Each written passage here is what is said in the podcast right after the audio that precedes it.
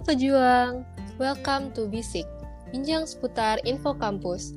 Kenalin, aku Helsa yang akan menemani kalian untuk bincang bareng gestar kita yang tentunya punya banyak banget informasi menarik untuk kita semua. Biar nggak lama-lama, langsung aja yuk kita sapa. Halo Kak Jihan. Halo Kak Helsa.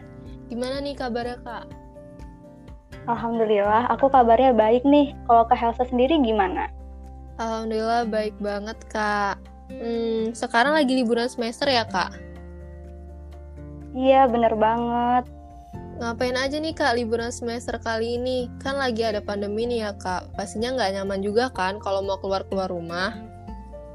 Iya, karena lagi ada pandemi kayak gini, aku liburannya dengan menikmati waktu-waktu yang ada. Jadi karena adanya pandemi kan kita jadi nggak bisa keluar ya, nggak bisa jalan-jalan segala macam. Dan sekarang itu emang waktu yang tepat banget sih buat kayak belajar masak-masak, terus kita juga aku juga di sini nonton drama Korea terus ya pokoknya menikmati waktu yang nggak bisa aku lakuin waktu lagi kuliah deh oh iya kemarin juga aku sempet daftar kayak volunteer volunteer volunteer gitu yang online gitu kak Helsa Hmm, bener banget sih kak, aku setuju banget karena kita itu harus menikmati liburan sebelum nantinya pasti akan dibombardir sama tugas-tugas kan. Bener banget. Uh, ya udah deh kak. Tadi kan Kak Jihan belum perkenalan nih ya. Silahkan deh kak perkenalan hmm. diri dulu. Uh, halo semuanya, kenalin nama aku Jihan Aribah.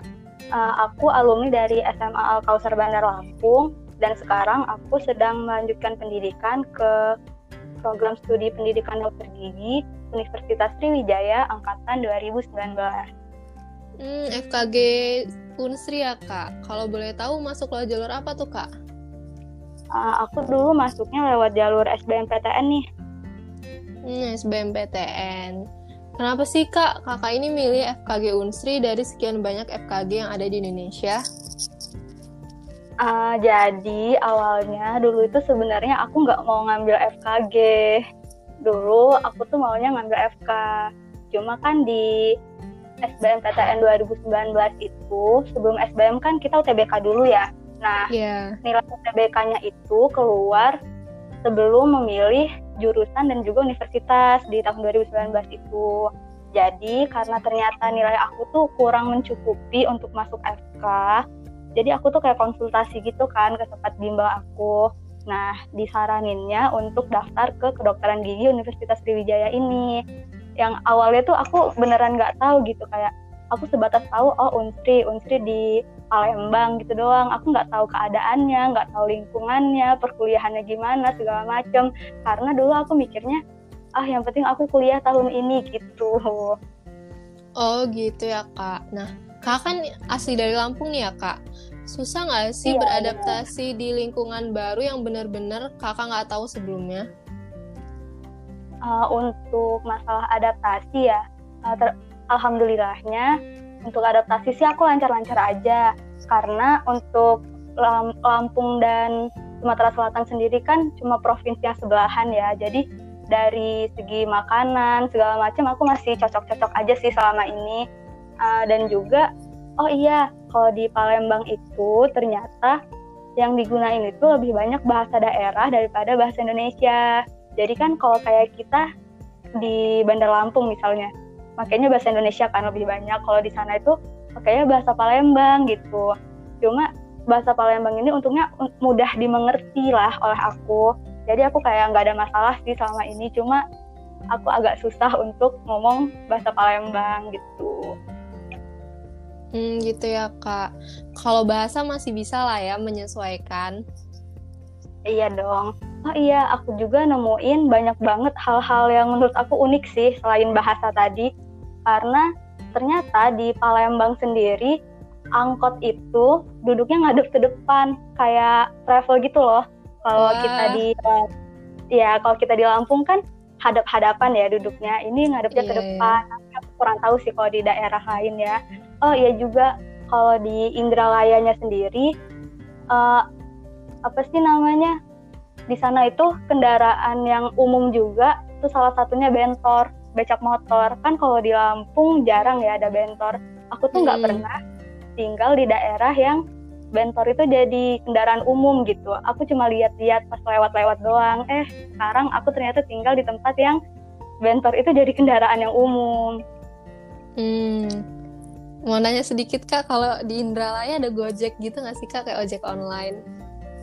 Uh, Indralaya sendiri kan jatuhnya masih salah satu kabupaten di Sumatera Selatan ya, bukan mm -hmm. di Palembang ya. Jarak dari Palembang itu sekitar 45 menit ya mungkin Nah, karena Indralaya ini bukan bukan kota utama dari Sumatera Selatan, di situ tuh belum ada Gojek. Tapi tenang, tenang, jangan risau karena di Indralaya sendiri ada banyak banget uh, akun-akun lain kayak Unsri Drive segala macem, yaitu ojek ojek online yang diinisiasi oleh uh, mahasiswa Unsrinya sendiri gitu. Jadi kayak GoFood atau GoRide segala macam itu kita bisa tanpa harus ada Gojek, tapi kita pakai akun-akun yang dibuat dari mahasiswa-mahasiswa Unsri itu sendiri. Hmm, berarti emang dibantuin dari kakak tinggal kakak tinggal sebelumnya gitu ya kak? Uh, aku kurang tahu ya mulainya ada dari kapan, cuma uh, waktu aku masuk udah ada gitu Unsri Drive segala macam. Jadi kayak tenang aja, ada kok yang bisa uh, membantu memudahkan kita untuk pergi ke mana-mana atau memesan makanan. Oke deh kak, nah bisa nggak sih kakak ceritain nih kegiatan kakak saat kuliah sebelum ada pandemi? Uh, sebelum ada pandemi, aku sama kayak anak kuliahan lain ya, uh, berangkat kuliah, pulang, belajar segala macam. Cuma bedanya uh, Unsri sendiri itu ada dua kampus utama, ada yang di daerah Bukit sama ada yang di daerah Indralaya. Nah, terus untuk aku sendiri kedokteran gigi, uh, ya untuk kedokteran itu ada tiga kampus kan, ada yang di Bukit tuh tadi, ada yang di Indralaya. Terus ada satu lagi di FK Madang. FK Madang ini letaknya di belakang Rumah Sakit Muhammad Husin. Jadi kayak uh, untuk mempermudah pendidikannya gitu. Nah, karena aku ada tiga tempat kuliah, jadi perkuliahannya itu kayak pindah-pindah gitu kan. Untuk semester satu dulu aku lebih banyak perkuliahan di Indralaya. Jadi dulu aku ngekosnya juga di Indralaya. Cuma dalam lima hari perkuliahan itu ada satu hari yang mengharuskan kami. Jadi kami bolak-balik itu pasti ada aja bolak-balik ke Indralaya Palembang atau sebaliknya. Uh, dan juga uh, waktu aku jadi masih jadi maba dulu aku tuh ada yang namanya Formafka Pekan Olahraga Mahasiswa Pekan Olahraga dan Seni Mahasiswa FK gitu.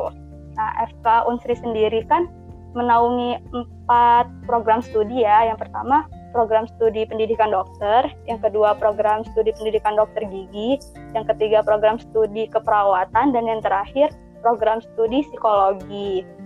Nah, di Formafka ini kita itu ada yang namanya uh, lomba persembahan itu untuk pembukaan formafkanya jadi semua program studi itu harus nampilin persembahan gitu bisa berupa tari-tarian atau drama segala macam untuk gigi yang dikirim itu dari mahasiswa barunya. Nah latihan formafkanya ini aku tuh latihannya di Palembang sedangkan aku kan ngekosnya di Indralaya nih. Jadi itu juga aku harus bolak-balik gitu Indralaya Pak Indralaya Palembang gitu. Hmm gitu ya kak. Nah di sini tadi aku dengar kakak bilang bolak-balik ya. Nah itu biasanya pakai kendaraan hmm. apa sih kak? Uh, kalau aku bolak-baliknya karena aku kan nggak ada kendaraan pribadi ya di sana. Jadi bolak-baliknya itu biasanya naik kendaraan umum nah, kendaraan ada yang pertama Damri. Damri ini bis yang udah kerjasama dengan Unsri gitu. Jadi kayak emang setiap pagi dan siang itu dia standby di Unsri. Terus terus yang kedua ada juga kendaraan umumnya tuh bis umum. Bis umum ini bedanya dengan Dam, Damri adalah bis umum kan nggak kerjasama ya sama Unsri. Harganya beda. Oh ya untuk Damri biasanya kami dikenakan biayanya tuh lima ribu. Kalau naik bis umum ini biasanya delapan ribu. Terus ada juga angkot. Kalau angkot ini biasanya habis ribu satu orang Terus oh iya ada satu lagi kita bisa mesen travel. Travel ini harganya sekitar 20 ribu lah, tapi kalau pinter nawar bisa dapat 15 ribu. Hmm, gitu ya kak. Nah, kalau misalnya kita pakai kendaraan pribadi nih, bisa nggak sih kak? Soalnya di fakultas aku sendiri itu nggak boleh kalau mahasiswa baru bawa kendaraan sendiri gitu. Kalau di Unsri boleh nggak tuh kak? Hmm, kalau di Unsrinya sendiri, setahu aku boleh-boleh aja ya bawa kendaraan pribadi. Cuma untuk uh, kedokteran gigi kita yang ada peraturan satu bulan pertama itu nggak boleh bawa kendaraan pribadi. Jadi kayak semua maba walaupun dia punya mobil, dia tetap naik kendaraan umum gitu. Nah kalau setelah itu setelah satu bulan kita boleh-boleh aja sih bawa kendaraan pribadi karena teman-teman aku sendiri juga banyak kok yang bawa. Hmm gitu ya kak. Nah uh, tadi kan pakai kendaraan umum tuh ya kak. Aman nggak sih kak pakai kendaraan umum kayak gitu? Apalagi kan kakak perempuan nih. Uh, menurut aku sih aman-aman aja ya sejauh ini karena biasanya juga untuk bolak-balik Indralaya Palembang aku tuh naik kendaraan umumnya tuh rame-rame sama kawan. Atau juga uh, kan namanya kendaraan umum ya kita nggak sendirian gitu di dalam kendaraan itu. Jadi menurut aku aman-aman aja sih asal kita bisa ngejaga diri juga. Dan aku juga pernah sendirian bolak-balik Palembang Indralaya tapi aku tidak mengalami suatu kejahatan kesulitan apa pun gitu. Jadi aman Wah, keren banget, Kak. Nah, Kakak pernah nyesel nggak sih masuk kedokteran gigi yang ternyata secapek itu gitu? uh, kalau nyesel nggak sih, cuma awal-awal aku emang kayak kenapa aku daftar kedokteran gigi gitu? Kenapa aku milih Unsri kayak nggak tahu nggak ada angin nggak ada hujan kan tiba-tiba masuk situ gitu kan? Cuma ya kalau sampai nyesel enggak setelah aku ketemu kawan-kawan aku ketemu kakak-kakak tingkat aku ngobrol segala macem ternyata seru kok kuliah di kedokteran gigi dan aku sekarang menikmati gitu segala step by step untuk jadi calon dokter gigi di masa depannya gitu. Hmm, berarti emang awalnya kaget gitu lah ya. Ya benar. Nah ya, nah selanjutnya kan kalau di mindset orang-orang tuh ya, kalau mahasiswa fakultas kedokteran tuh entah dia kedokteran gigi maupun kedokteran umum pasti dibilang susah kan matkulnya harus ngapal anatomi, histologi dan lain-lain terus ada juga praktikum. Nah, kakak pernah nggak sih merasa tertekan saat menjalani kuliah selama ini? Hmm, untuk pelajaran untuk mata kuliah yang pelajaran gitu aku nggak merasa tertekan sih karena kan biasanya aku belajarnya bareng-bareng tuh sama kawan-kawan kayak saling dukung saling support yang nggak bisa ngajarin yang bisa ngajarin yang nggak bisa dan sebaliknya gitu. Cuma untuk praktikum aku ngerasa agak susah agak kesusahan di praktikum kedokteran gigi. Karena hmm, ternyata di kedokteran gigi itu kita juga butuh sentuhan-sentuhan seni gitu loh untuk praktiknya. Karena kan calon dokter gigi sendiri harus bisa menguasai uh, keestetikaan gigi gitu. Kayak banyak kan orang yang masang behel biar giginya rapi orang finir segala, finir segala macam itu kan uh, lebih ke keestetikaan kan kesenian gitu. Nah dan ternyata hmm. di kedokteran gigi itu banyak banget pelajaran yang harus mengharuskan kita untuk menggambar. Jadi untuk aku sendiri yang emang nggak ada dasar jago gambar jago ada darah-darah seni gitu itu agak susah di praktikum ini. Kayak kemarin aku ada praktikum carving gigi. Carving carving gigi itu kita kayak mengukir wax atau lilin jadi bentuk gigi gitu loh. Itu kan kayak agak susah ya harus liuk-liuknya itu sama kayak gigi. Mana di kedokteran gigi ini ternyata uh, kita tuh harus bisa menghitung sampai hal-hal detail kayak gigi ini ukurannya 0, berapa mili ukuran mahkotanya 0, berapa mili akarnya berapa berapa gitu. Jadi kayak aku agak kesusahan sih di praktikumnya. Tapi setelah berjalannya waktu sebenarnya nggak apa-apa. Kayak ini kan namanya proses pembelajaran ya. Dan pada akhirnya juga kita bakal bisa gitu. Jadi untuk orang-orang yang nggak punya jiwa-jiwa seni kayak aku nggak apa-apa masuk ke dokteran gigi jangan takut. Karena ternyata kita tuh bakal diajarin gitu kita bakal belajar kita bakal berlatih nanti kita juga bisa. Tuh Nah iya bener banget nih kata kajian karena kan kita di sini masih belajar ya. Masih sama-sama belum jago. Walaupun uh, nanti seiring dengan berjalan waktu pasti nanti tangan kita ini kayak udah tahu loh selahnya di sini, selahnya di sini, istilahnya kayak bisa jalan sendiri itu tangan sesuai dengan jam terbangnya masing-masing. Iya bener banget. Karena aku sendiri juga waktu awal-awal carving gigi itu kayak mau nangis gitu loh kayak aduh susah banget sih ini gimana ini gimana? Pertama nuangin wax panas ke dalam cetakan aku tuh tumpah gitu. Kayak aku sama kawan-kawanku juga uh, kena cipratan-cipratan wax yang tangannya panas sakit segala macem. Cuma ya setelah dijalanin ternyata kita juga bisa loh nge-carving gigi gitu. Kita bisa loh membuat ukiran gigi yang bagus gitu kan. Cuma ya namanya proses. Yang harus kita lakukan adalah menikmati prosesnya gitu. Hmm gitu ya kak. Nah menurut kakak nih dengan kesulitan-kesulitan tadi itu yang udah kakak sebutin kakak butuh nggak sih dukungan dari temen gitu? Butuh banget. Uh, menurut aku ya uh, kayaknya nggak cuma berlaku di kedokteran gigi sih di semua prodi semua jurusan, semua universitas, pasti kita itu bakal butuh yang namanya circle yang suportif. Karena kan kayak yang kita tahu ya, lingkungan pertemanan itu tentunya bakal berpengaruh besar ke pribadi kita sendiri. Misal, kita temenan sama orang yang pada malesan. Awalnya kita rajin, cuma karena terbawa oleh suasana pertemanan kita, eh itu malah berefek tidak baik gitu buat kita. Terus kalau misalnya kita awalnya malesan, kita temenan sama orang-orang yang rajin, kan dia bakal ngajakin kita gitu kan.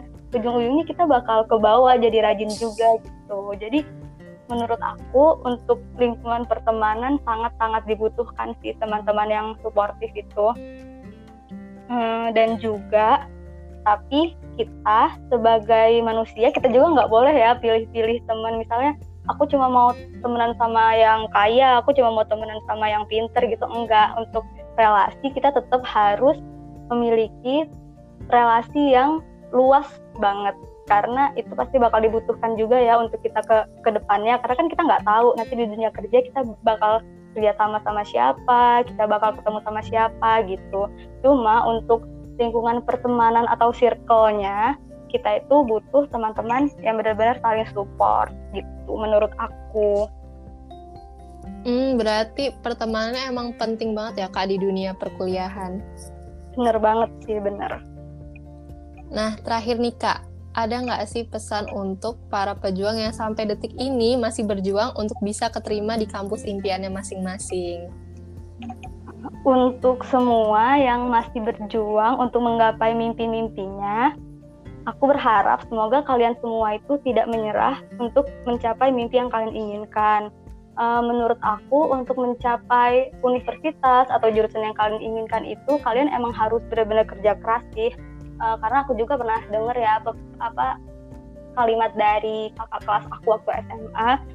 Pokoknya usaha itu kita ibaratkan sebagai angka.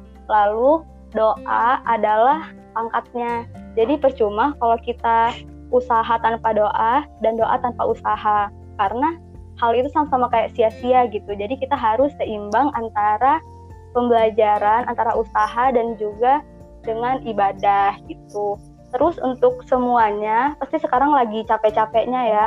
Kayak masih bingung nggak tahu mau kuliah di mana ini nggak tahu bisa keterima di mana nggak tahu nanti UTBK nilainya berapa segala macem cuma kalian harus tahu segala usaha kalian pasti tidak akan menghasilkan hasil yang tidak baik. Karena misalnya kalian udah berusaha keras, tapi ternyata kalian nggak keterima di tempat yang kalian inginkan, nggak apa-apa. Karena ternyata Allah itu punya rencana yang lebih baik loh buat setiap hamba-hambanya. Jadi buat semuanya jangan menyerah ya, semangat terus. Oh iya, jangan lupa jaga kesehatan juga. Wah, keren banget Kak Jihan. Nah, makasih ya Kak udah ngeluangin waktunya dan menurut aku untuk menggapai cita-cita kita itu perlu banget loh yang namanya motivasi yang kuat dalam diri masing-masing dan juga melakukan usaha sebaik-baiknya. Dan yang dari kita dengar nih dari kajian, tetap semangat walaupun harus melewati harus uh, melewati hal-hal sulit seperti itu. Salut deh. Terima kasih Kak Helsa. Pasti semua orang juga punya ups and down-nya masing-masing sih ya. Nah, iya bener banget. Nah, semoga nantinya kita bisa termotivasi dari apa yang udah kajian sampaikan dan semoga jawaban kajian ini udah menjawab rasa penasaran kalian tentang Unsri. Tetap semangat ya para pejuang, masih banyak pintu yang bisa kalian lewati untuk diterima di kampus impian kalian. Sampai jumpa di episode bisik selanjutnya.